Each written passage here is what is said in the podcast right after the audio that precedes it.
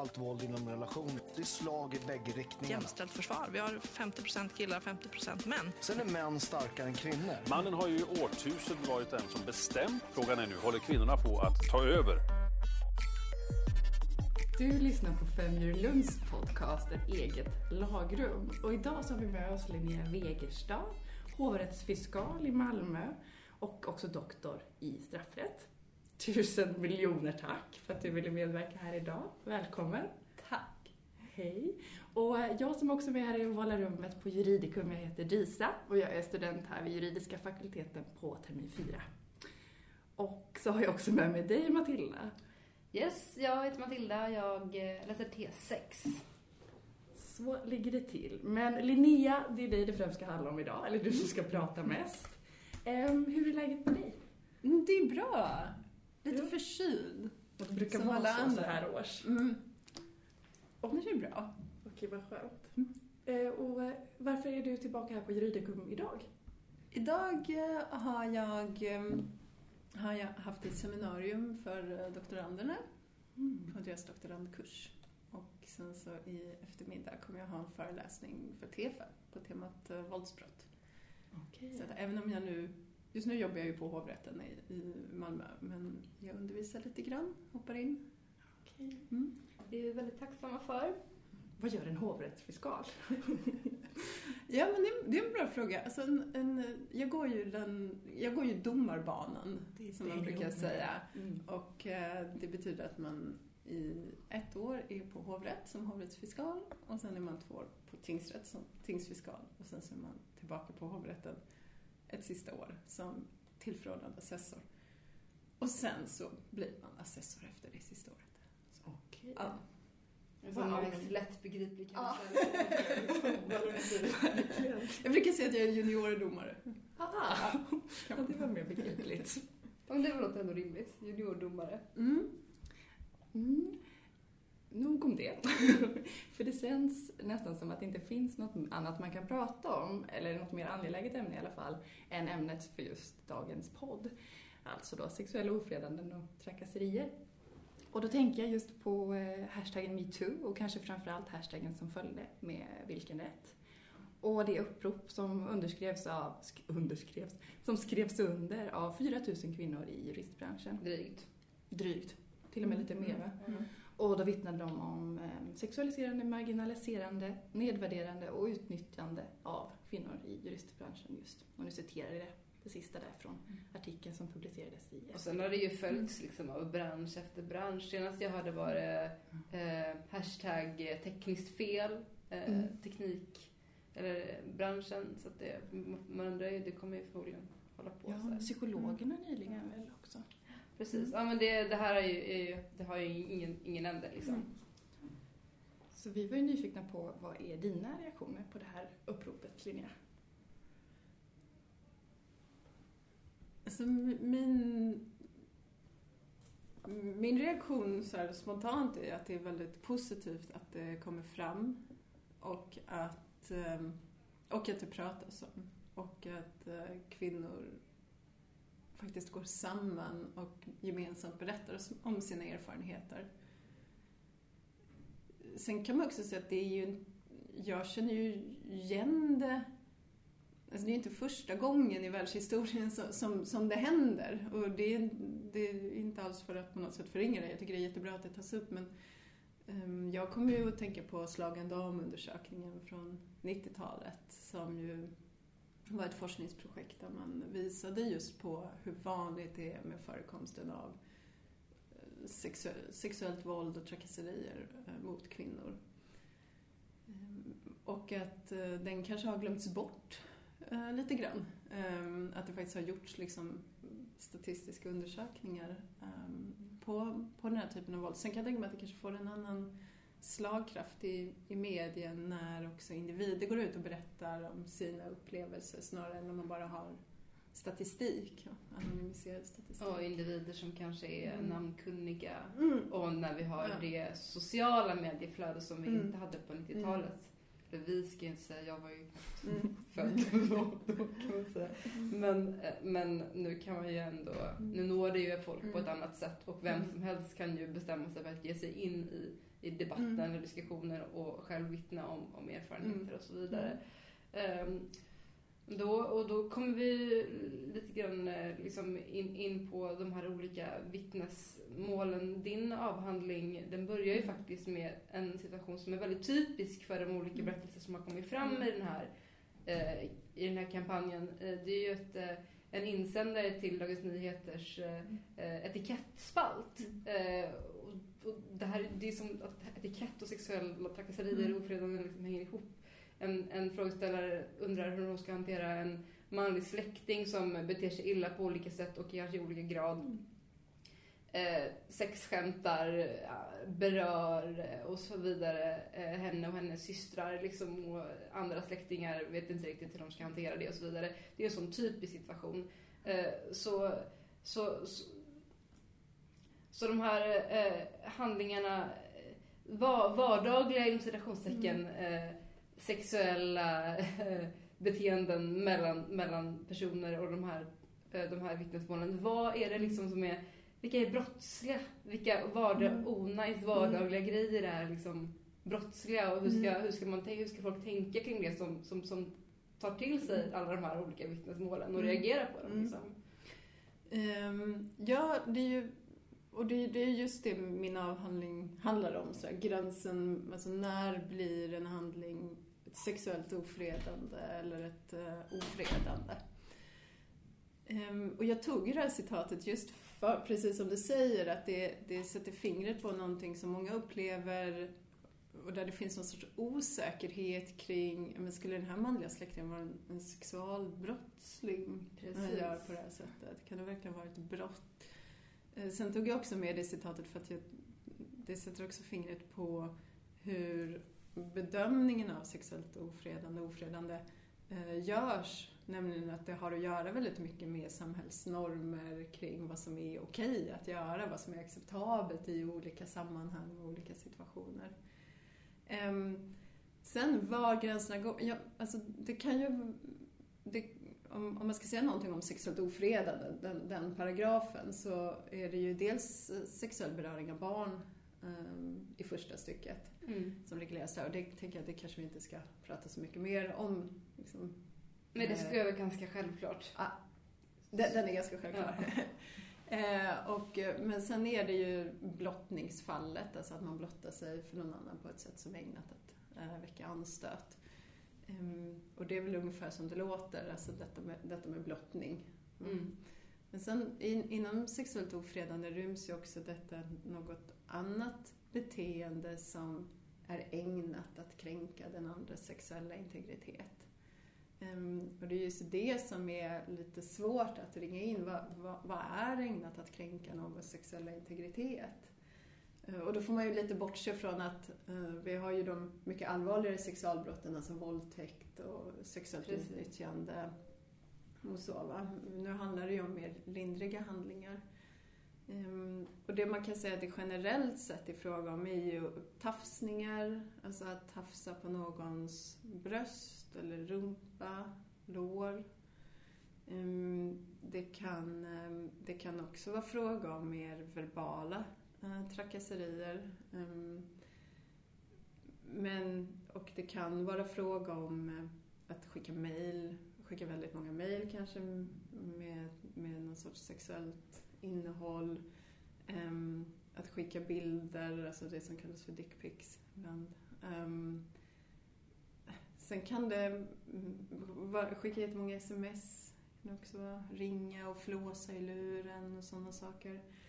Ehm, så det kan vara väldigt många olika typer av handlingar. Ehm, men det ska samtidigt vara ägnat att kränka någons sexuella integritet och var gränserna exakt går där. Alltså bara en kortvarig beröring på någons lår behöver nödvändigtvis inte vara ett sexuellt ofredande utan det beror en del på situationen, relationen mellan parterna, ehm, vilken insikt eller uppsåt som, som eh, mm, Vi har en liten sån här Ja. dammig lista här. Det är så Ja. du kanske kan ta den. Vi har några sådana situationer som, Mm. jag tror många undrar lite grann Mm. över. Liksom, när man har rätt att bli förbannad och när man ska acceptera Mm. hur man blir bemött. Liksom.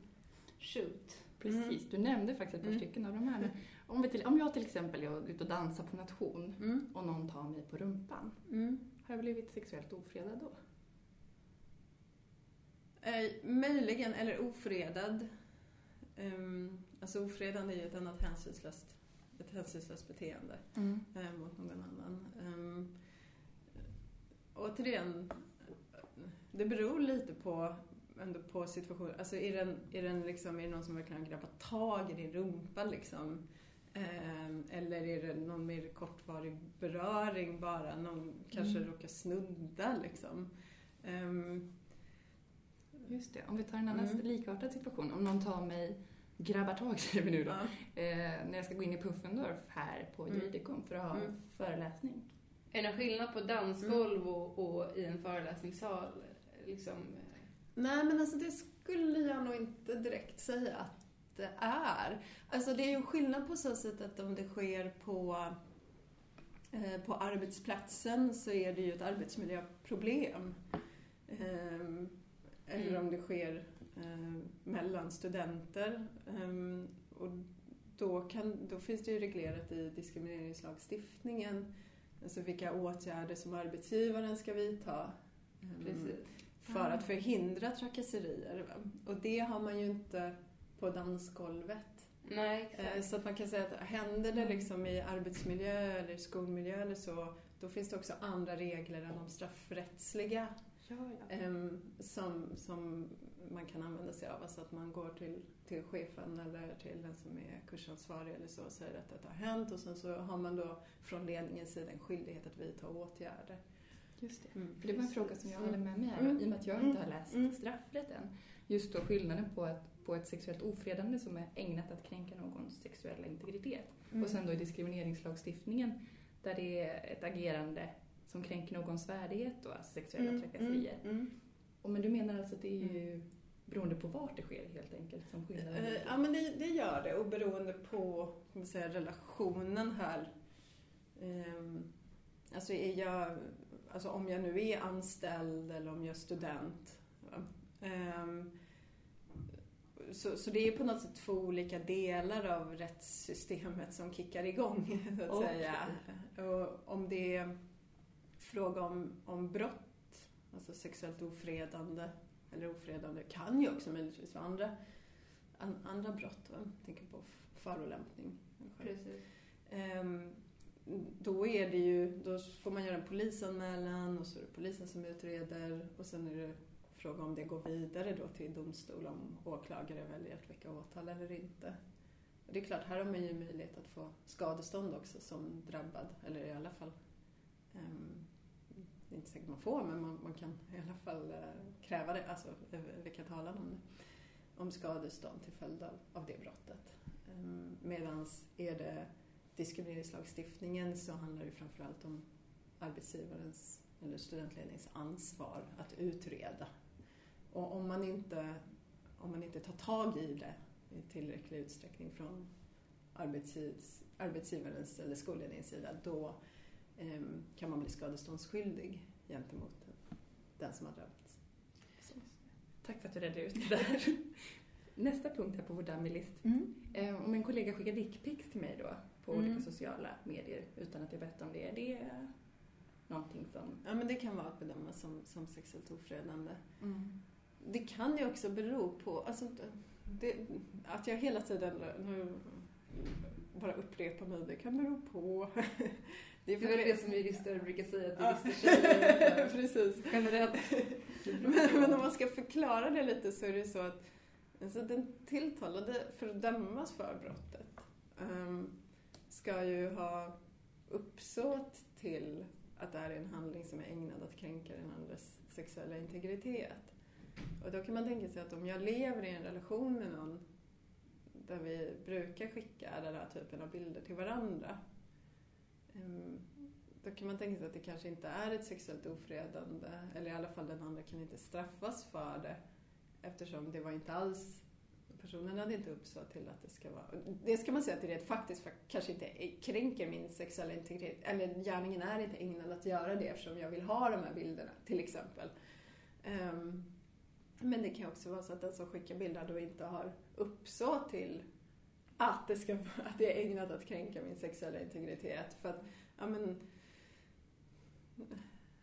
Hen kanske gör det med inställning att så här, men jag tänkte ju att du skulle uppskatta det här. Jag tycker att mitt kön är så fint. Ja, nej en men precis. Så, här. så att det, det kan vara lite svårt att säga, ja men det skulle definitivt straffas i en domstol. Det är svårt att, att ge ett rakt uh, svar. Men det man kan säga där, något som man Mm. kan ju klargöra för, Mm. för den som inte läst Mm. straffrätt är ju också att det kan ju faktiskt vara så att Mm. det räcker ju inte med att den tilltalade då säger att nej, Mm. jag menade bara att jag skulle göra någonting trevligt.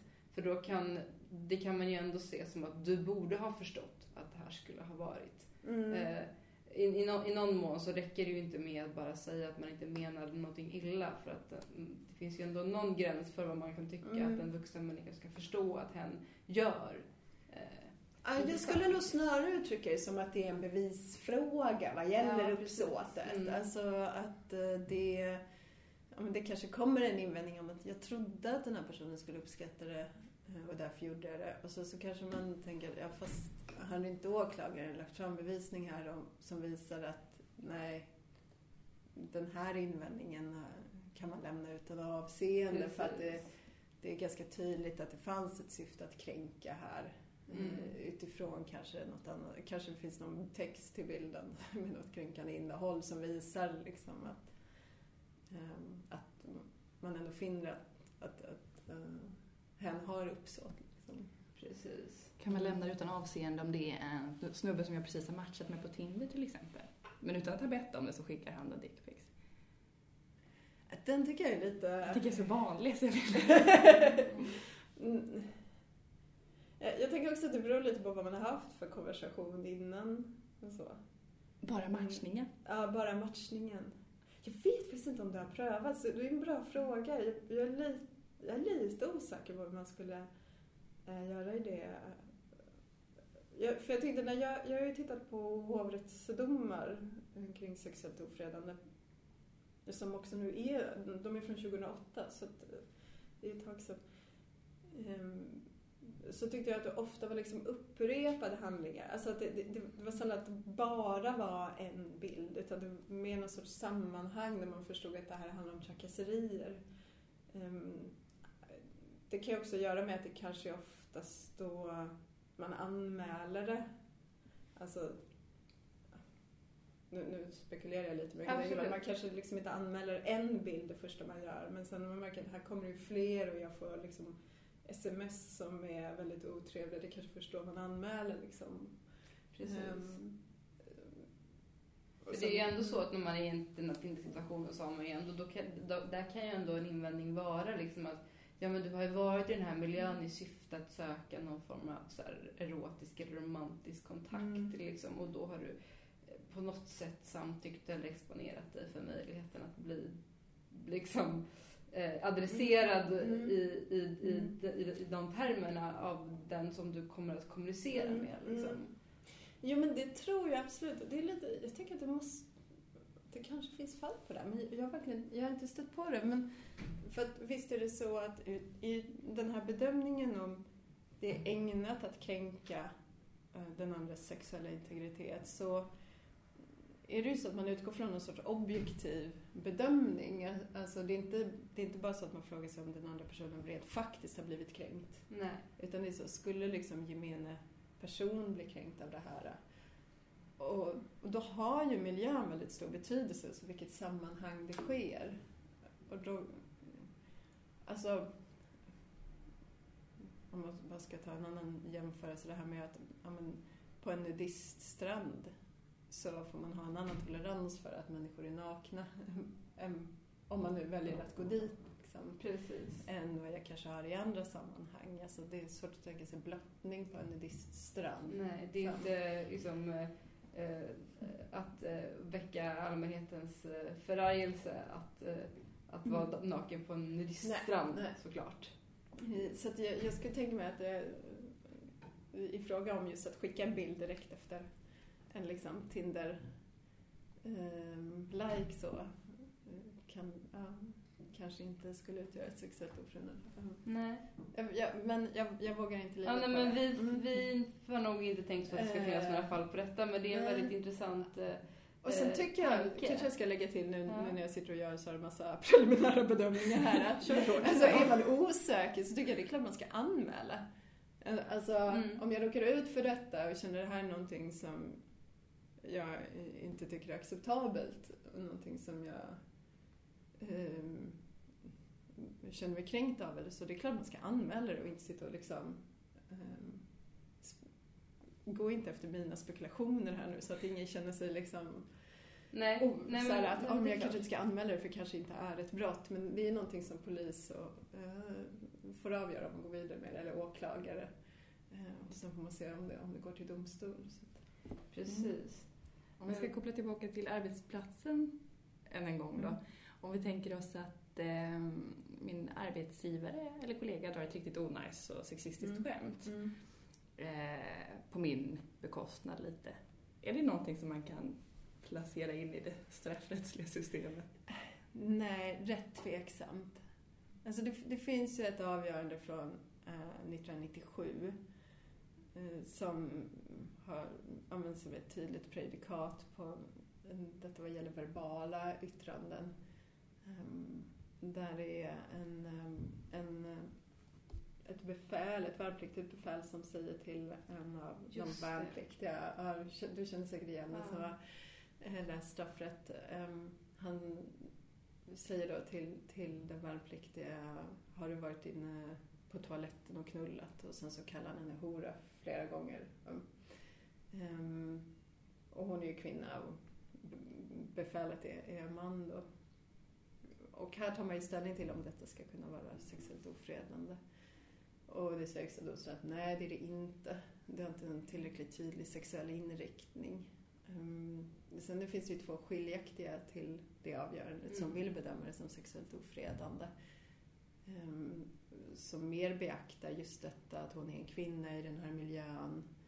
Um, och att de orden han liksom använder har en sexistisk innebörd och därmed en sexuell koppling. Ja, han adresserar ju henne som en, som, som en sexuell varelse Mm, liksom, mm. I, i ett sammanhang Mm. där inte det hör hemma Mm. överhuvudtaget.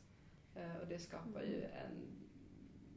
Det kan man ju tycka skulle vara ägnat att Mm. kränka någons sexuella integritet. Absolut. Det skapar ju, det skapar ju en...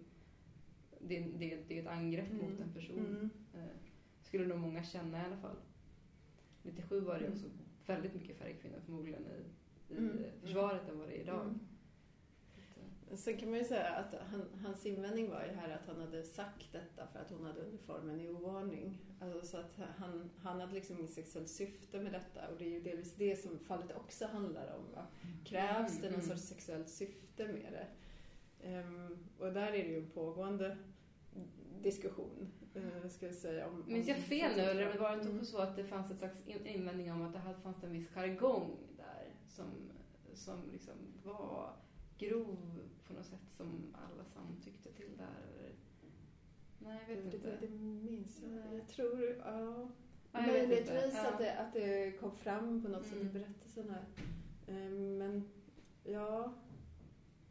Alltså jag, tror att det som majoriteten i Högsta domstolen Mm. ger en hint om det är att jo, men det här skulle nog mycket väl kunna vara förolämpning. För det Mm. uttalar man sig ju om, att man säger att liksom verbala yttranden av den här typen kan utgöra förolämpning. Ehm, Men det är ju särskilda åtalsregler Precis. för ärekränkningsbrotten Exakt, där exakt. förolämpningen Mm. ligger liksom. Så att det kunde man ju inte döma över i det fallet. Ehm, eh, var var vi någonstans? Vad var det vi pratade om? Jag tycker ni avrundade ganska bra. Jag har bara en grej till Ja, kvar på den här precis. listan. Mm. Och det är, du nämnde det faktiskt lite Mm. inledningsvis, men Mm. om en kollega då försöker Mm. upprepade gånger ragga på mig och jag Mm. avvisar den här personens närmanden, Mm. men hen blir mer och mer ihärdig. Mm. Hur förhåller det sig till vad vi pratade om? Ja, men det, det, I och med att det eh, är någon typ av upprepning. Sen beror det lite på vad kollegan säger. Ehm, det skulle kunna vara bedömas som ofredande också. Just det här om det är en väldigt liksom ihärdig uppvaktning pratar man om i, i förarbetena. Pockar på en kvinnas uppmärksamhet. Eh, genom någon sorts ihärdig uppvaktning Eh, kan vara ofredande. Eh, men jag skulle säga att det skulle kunna vara sexuellt ofredande beroende lite på vad som sägs. Alltså att, att upprepade gånger bara fråga, men vill du bli tillsammans med mig eller ska vi gå ut och äta middag? Skulle jag säga inte riktigt eh, når upp till det här kravet att det ska vara ägnat att kränka någons sexuella integritet. Skickar Men- man blommor till kontoret en gång i veckan så kanske det inte är det. Men skickar man däremot eh, sexleksaker eller kondomer eller någonting. Så, Ja. ja. Nej men precis. Eller bilder på sitt könsorgan. Precis. Det skulle kunna vara Eller liksom det. en sån. Ehm, Och särskilt då när man i övrigt, alltså man tänker sig att relationen i övrigt är en professionell relation. Som, Exakt. så, om man sen gör sådana saker så, så att, ja, men då, då börjar man komma upp i den nivån som är straffbar. Precis. Och nu kommer vi in Mm. lite grann på något som, som du också lite grann var inne på precis Mm. när du pratade om det här med att en, en, att en man uppvaktar en kvinna. Och det tycker fall jag är väldigt spännande och det kommer jag också in på i en avhandling. Det här med hur olika relationer och situationer spelar roll för huruvida, alltså för hur, man, hur situationen faktiskt eh, utvärderas av rätten och förmodligen då också av samhället. Mm. Eh, om det är inledningsvis så, så, så, så nämner du situationer där manliga studenter eh, riktar liksom någon form av liksom sexuell, sexuella uppfattningsord mot en kvinnlig lärare liksom, Mm. i syfte att, att eh, if- ifrågasätta hennes auktoritet. Mm. Att, en, att vissa personer blir eh, skadade och har svårare att värja sig för sexuella handlingar än andra. Eh, och hur, hur, och hur liksom just man pratar om att, eller att man tänker sig att det är kvinnan som är det typiska offret eller den som är typiskt sett utsatt för, för liksom sexuella ovälkomna eller otillåtna handlingar. Um, vad, vad, det, och det är också någonting som dyker upp lite grann i början av det här, det här, den här insändaren. Eh, när, när den som svarar på brevet skriver att, amen, att det är äldre personer som i kraft av sin ålder eh, tar sig friheten att, eh, att eh, uttrycka sig sexuellt mot yngre personer. Men då pratar vi om ålder och sen kommer man ändå in på det här med gubbighet Mm. och yng- yngre kvinnliga släktingar. Eh, vad, vad, vad tänker du liksom rent juridiskt sett om, om den faktiska obalansen när det kommer till olika aktörers egenskaper i de här situationerna? Liksom? Mm. Oj, bra fråga. Um, alltså min utgångspunkt är att ehm, problemet med sexuella trakasserier eller sexuellt ofredande ehm, inte är att man uttrycker någonting sexuellt Nej. utan att man använder sexualitet för att kränka någon. Alltså att, att det är ett sexistiskt beteende som liksom reproducerar ojämlika maktförhållanden i, i samhället. Alltså till exempel mellan, mellan män, män och kvinnor. Sådär. Det är väl ofta Mm. det man tänker på när det är, är sexuella trakasserier. Men det kan ju också handla om att liksom upprätthålla en maskulinitetsnorm. Alltså att killar kallar andra killar för bögar. Mm. Ehm, eller om vi tar eh, mm, fallet med eh, mm, som var uppmärksammat för ett antal år sedan nu när det var så AIK fotbollsläger där det var någon sorts penalistisk praktik att de äldre spelarna skulle föra en, en galge mot anus på de yngre spelarna. Ehm, alltså den typen av praktiker är ju också en typ av sexism, eller en, en, alltså ett sätt att liksom nedvärdera utifrån normer om maskulinitet, Precis. maskulinitet i samhället. Så det är ju min, min utgångspunkt Ja. alltså det i, i avhandlingen och i, i allmänhet. Ehm, men jag skulle nog säga att detta den förståelsen av sexuella trakasserier är inte särskilt framträdande i den straffrättsliga regleringen kring sexualbrott idag. Nej. Ehm, utan det är ändå mer, och det betyder ju, samtidigt är det många av den här typen av beteenden som jag nämnde som bestraffas, alltså som Mm. är kriminaliserat. Så att det, det är kanske inte ett jättestort problem att den förståelsen inte finns där. Men jag tror att när det handlar om vissa gränsdragningsproblem, alltså hur ska det här omfattas av sexuellt ofredande eller inte? Då är det på något sätt så att den nuvarande ordningen i, straffrättsliga ordningen är väldigt fokuserad vid om handlingen eller avsikten är sexuell eller inte. Mm, precis.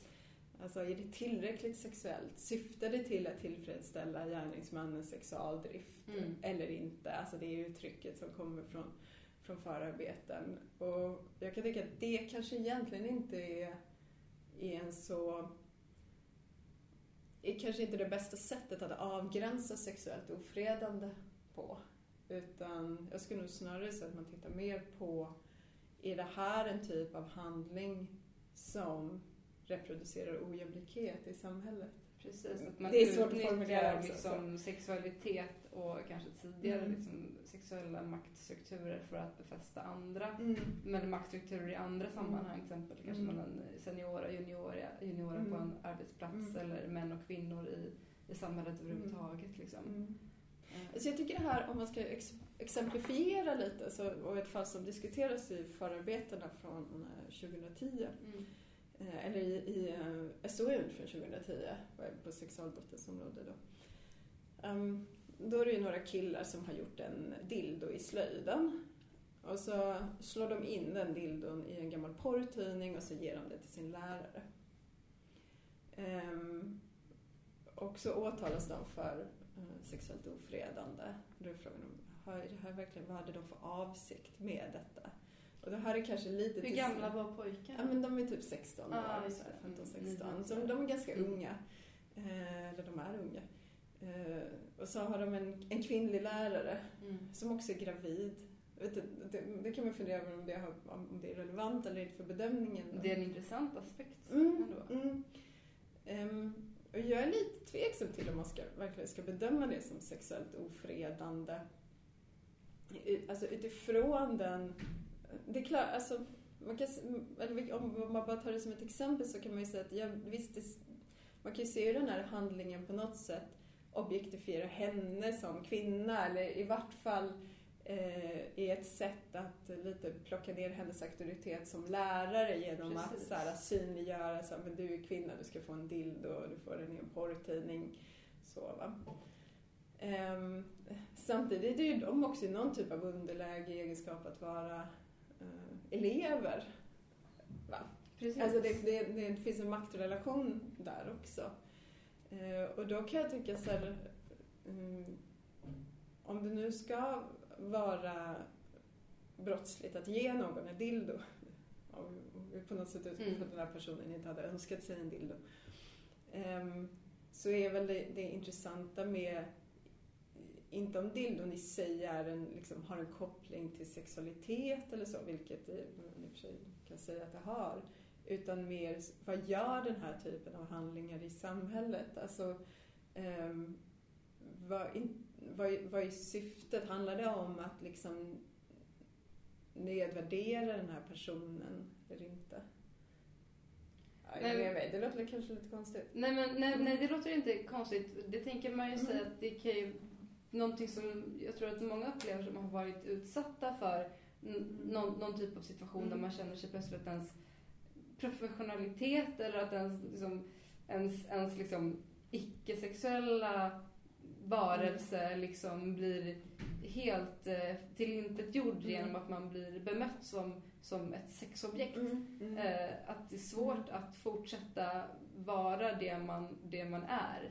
Eh, Mm. Samtidigt som man blir bemött som någonting sexuellt. Mm. Eh, eh, och det tycker nog vem som helst, oavsett vem det är man blir bemött av, Mm. att det är något som man skulle vilja slippa Mm. i, i, ja, på sin arbetsplats eller där man går i skolan eller vart man nu är där man just inte är sexuell i, sitt, i sitt varande. Liksom. Mm. Men sen kan man ju också säga att ja, men vad tycker man att man ska behöva bemöta från ja, just barn Om man tänker på väldigt unga personer, eller personer som är liksom precis men under kanske att man kan bli straffad enligt datasystemet som vi har. Mm. Är de bara osäkra? Har, är de påverkade av samhället så att de liksom Ja, man har just upptäckt sin egen sexualitet och vet inte hur de ska uttrycka den och de tycker kanske att läraren är snygg. Alltså, Mm. sådana olika liksom, eh, bevekelsegrunder som man kanske kan se från ett, från ett vuxensamhälle mot unga eller ungdomar. Mm. Liksom.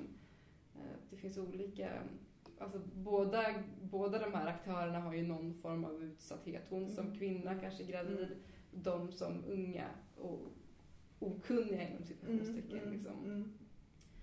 Men i berättelsen låter ju som att man inte skulle tycka att det var okej. Man förstår att läraren blev väldigt illa berörd. Mm. Eller att man tycker att det är konstigt om hon blev Mm. det. Liksom. Eh, Så att, eh, var det ett, ett fall som faktiskt har, är det ett, Mm. inte uppdiktat utan Nej, det har nej, Ja. det är ett, ett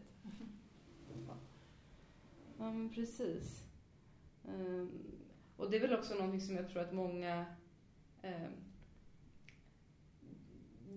den, de här skillnaden mellan, mellan att använda sexualitet som, som ett sätt att, att manifestera makt Mm. eh, respektive så som du tycker att straffrättssystemet faktiskt pratar om det, att det handlar om att tillfredsställa förövarens egna sexuella begär eller egen sexualitet eller så vidare. Liksom att, att det är också lite grann så som man ursäktar beteenden. Även fast det inte också är det som straffrättssystemet tar fasta på, det är det som gör att någonting blir straffvärt, också är det någonting som ursäktar.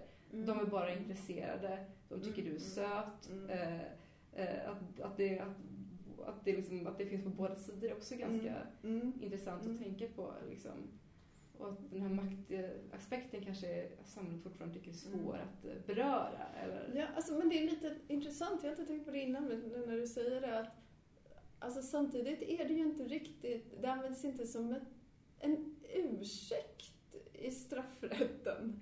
Utan, utan snarare så att, jo men finns det ett sexuellt motiv, ja men då kan det vara sexuellt ofredande. Men finns Mm. det inte så är det mer tveksamt. Mm.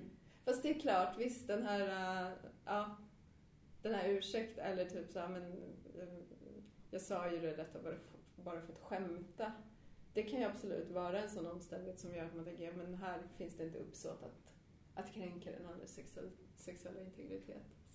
Så, så på så sätt så, så svarar de ändå, eller man kan se parallellerna Ja. precis som du beskriver.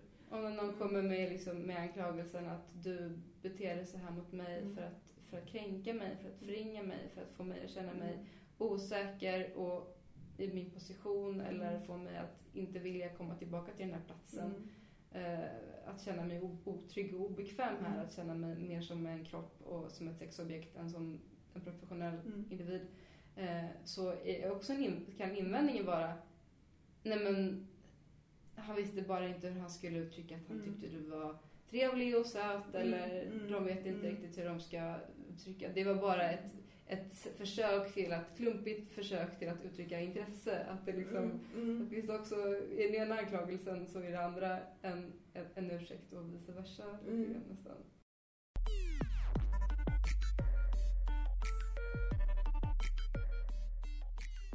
Ja, och sen så hade du och jag lite technical difficulties Matilda. Ja, vi hade en liten stund av trial and error. Eh, Men nu är vi tillbaka Quite. igen här. Det känns härligt. Ja, men plötsligt den här jävla inspelningsmaskinen bara la av. Och men Linnea Wiggerstad var supersnäll och eh, det löste sig till slut. Ja, det löste sig till slut. Så vi fick söka upp henne sen utanför Puffendorf där hon höll en föreläsning. Men vi tänkte ta tillfället i akt och eh, krydda det här avsnittet med vad vi hoppas kommer bli ett återkommande inslag. Nämligen det här som vi tänkt kalla Sömnlös i Skåne. Vad har inte du kunnat släppa Matilda? Vad har du ältat? Ja, men det kanske ändå är lite anknutet faktiskt till det här temat som vi har haft på det här avsnittet. För att eh, jag har faktiskt eh, inte kunnat släppa det här med eh, förslaget på eh, samtyckeslagstiftning. Och det som jag Just det, har som tänkt regeringen på... fram då i fredags eller? Precis. Mhm. Eh, och det som jag har tänkt på det är ju att det är inte samma sak att vara emot själva lagstiftningen som att tycka att det inte alltid ska föreligga samtycke vid sex. Det finns ju ganska många feministiska jurister som inte är för den här eh, lagstiftningen. Mhm. Och det finns olika sätt att se på eh, vad den är för någonting. Och jag kan tänka mig att det runt så väldigt många middagsbord kan diskuteras liksom eh, folk som är, ja men vilka, vilka är för och vilka är emot samtyckeslagstiftningen och att någon kanske som bara tycker att det här är någon slags feministiskt trams som tycker att det är ganska nice när det inte riktigt är samtycke när man har sex för att det är lite extra sexigt. Eh, kanske kan använda till exempel att någon, någon jurist eh, har uttryckt sig vara emot lagen och tror att det betyder att det är av samma anledningar. Eh, men, men så är det ju inte utan det finns ju två sidor tycker jag som man kan se på det. Dels så är det ju själva, själva sexet, alltså det ska ju alltid vara samtycke. Det, det, sku, det är inte som att det, Obviously. det är inte så att det inte har varit meningen att sex alltid ska vara samtyckt innan. Eh, så att man kan ju vara kritisk mot lagstiftningen för att man tycker att ja, det står ju det, det, det är ju vedertaget att den inte kanske kommer leda till så många flera fällande domar. Men att det är en signal eh, till samhället att det inte är tillåtet att ha sex med en person om man inte vet att hen vill det. Mhm. Ehm. Är det det advokatsamfundet ställer sig kritiska till? Att det är en sån signalpolitisk lag? Eller är det andra grejer som de ogillar? Eller det är väl inte enhälligt hela advokatsamfundet, men just Ramberg som har uttalat sig att hon... Jag ska faktiskt, eh, jag ska faktiskt, eh, jag ska faktiskt inte uttala mig om eh, exakt vad det är som är motiveringen till eh, olika personers uppfattningar. För Nej, att det det, är har sant, jag jag inte har inte heller en tillräckligt aning. bra koll på faktiskt. Men, men vad man kan kritisera är ju att man kan tycka att det här ska vi inte behöva lagstifta om. Eh, om, eh, det- om det är så att, eller om, om, om det inte hade varit så extremt laddat. Om det inte hade varit så att vi har liksom en, en, en juristkår eller att det finns ett, en samhällsstruktur där man faktiskt eh, inledningsvis lägger skulden på den som har blivit utsatt för ett övergrepp eller den som är målsägande. Alltså, sa du verkligen nej? Vad hade du på dig? Var du inte, betedde du dig inte utmanande då? Betedde du dig inte som att du egentligen ville? Du kanske till och med hade på dig stringtrosor? Vem vet? Alltså, typ, eh, de, den typen av, av, av frågor från, från eh, försvarsadvokater eh, hörs ju.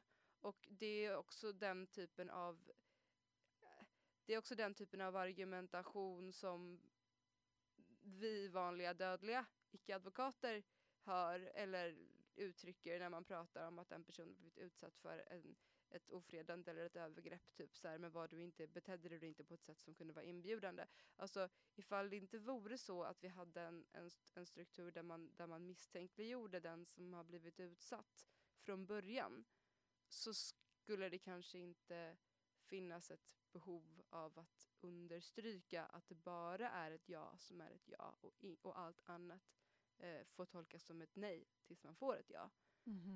Det är lite grann, gud vilken, vilken, vilken, vilken rant det Ja, där var blev. underbart. Det var mycket bra. Tror du att de kommer rösta igenom det här i riksdagen? Finns det någon chans att det liksom sätts stopp för?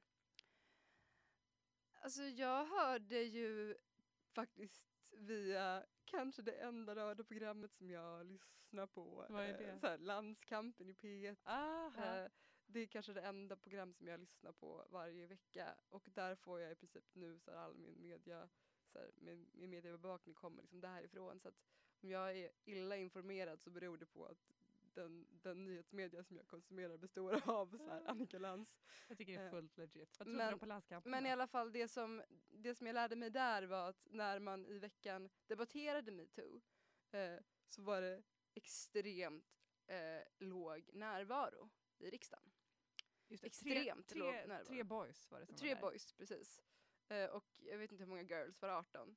Vet ej. Något sånt. Nu har ju inte jag någon statistik på hur, hur, hur mycket folk och vilken, så här, vilken genus, könsfördelning det är, brukar vara i så här, riksdagsdebatter. Nej, till sitt förs försvar så sa väl då de som inte var där att de hade skickat sina ansvariga för den frågan, liksom, partiets Mm. ansvariga.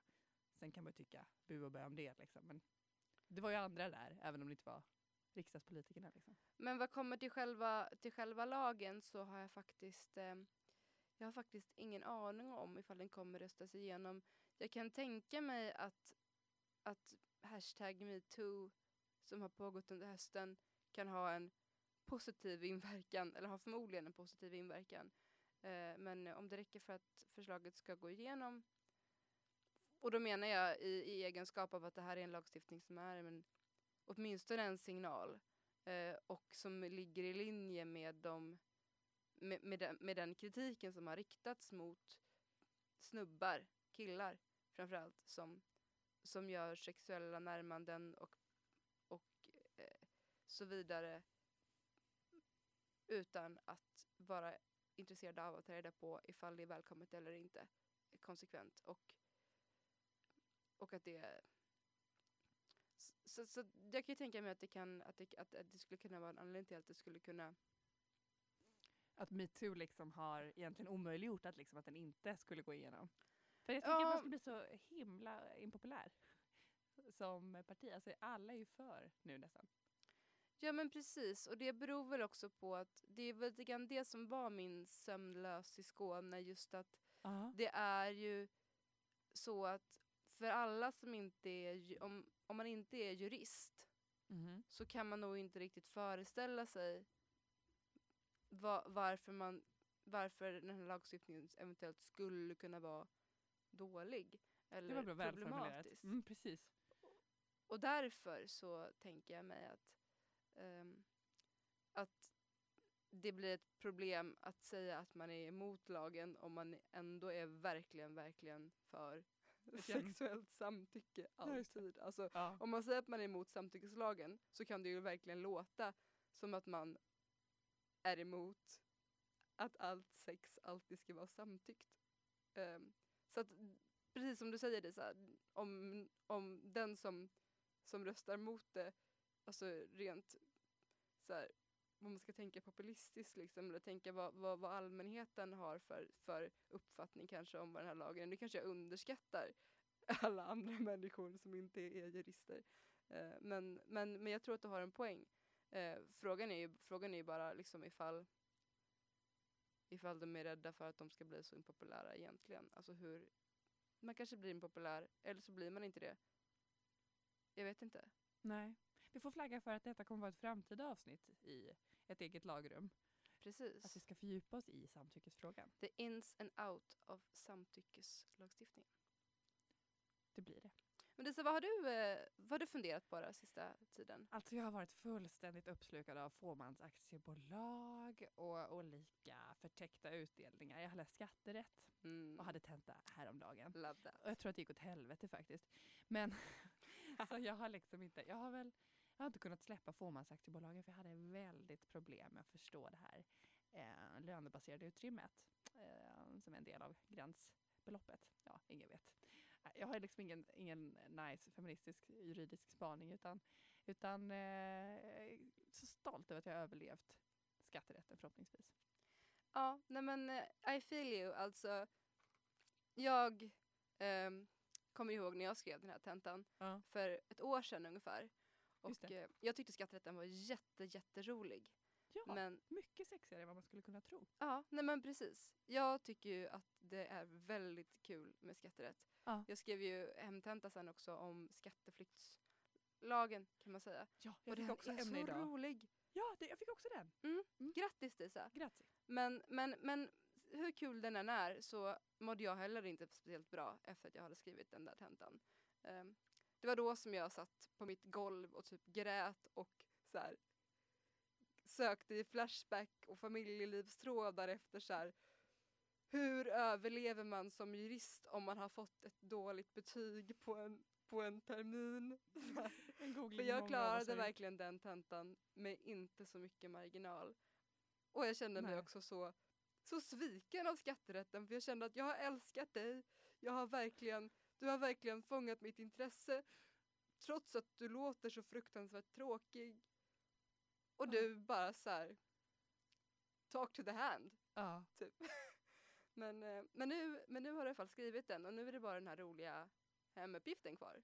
Precis, som kommer förgylla mellandagarna på lovet. Nej, men det känns faktiskt helt ok. Och eftersom att eh, vi spelar in nu så kommer jag ju inte ge mig på att försöka så förklara det här lönebaserade utrymmet för fåmansaktiebolag. Vad bra. Jag, jag ska göra mitt bästa för att förtränga det nu faktiskt. Det är så mycket som jag Ja. också har lärt mig som jag i och för sig inte vill kunna. För att, men men, sån är Ja men precis, typ, eller så här, de, de så här föreläsningarna som typ känns som att de är en kurs i hur man betalar så lite skatt som möjligt. Ja, det är typ de det var en del på. sådana. Visst alltså. Ja. Men nu har jag kommit ut på andra sidan i alla fall så det känns riktigt bra. Men du, ska vi ta och lyssna på vad Linnea Wegerstad sa till oss avslutningsvis? Ja, det tycker jag vi ska göra. Så det börjar nog faktiskt bli dags att runda av. Så då får vi tacka så hemskt mycket Linnea Wegerstad för att du tog dig tid att komma hit. Tack för att jag fick komma. Det var extremt givande och förmodligen förhoppningsvis extremt lärorikt. Ja. Ehm, Vi har hunnit prata om eh, hashtaggen metoo, vi har försökt översätta vardagliga eh, snubbiga, gubbiga beteenden till juridiska och en hel del annat. Vi står ju utanför Puffendropsalen nu och jag tjuvlyssnade lite på din föreläsning som du hade här och det var så mycket som jag tänkte bara shit, det här borde vi också haft med. Eh, oj, det här borde vi pratat om. Så att eh, ja, det här tar ju aldrig slut. Vi kanske hör av oss igen, vem vet? Vi fortsätter någon annan gång. Yes, eh, men tack för idag i alla fall. Ehm, och eh, på återseende. Tack ska ni ha. Tack, Hej då! hej!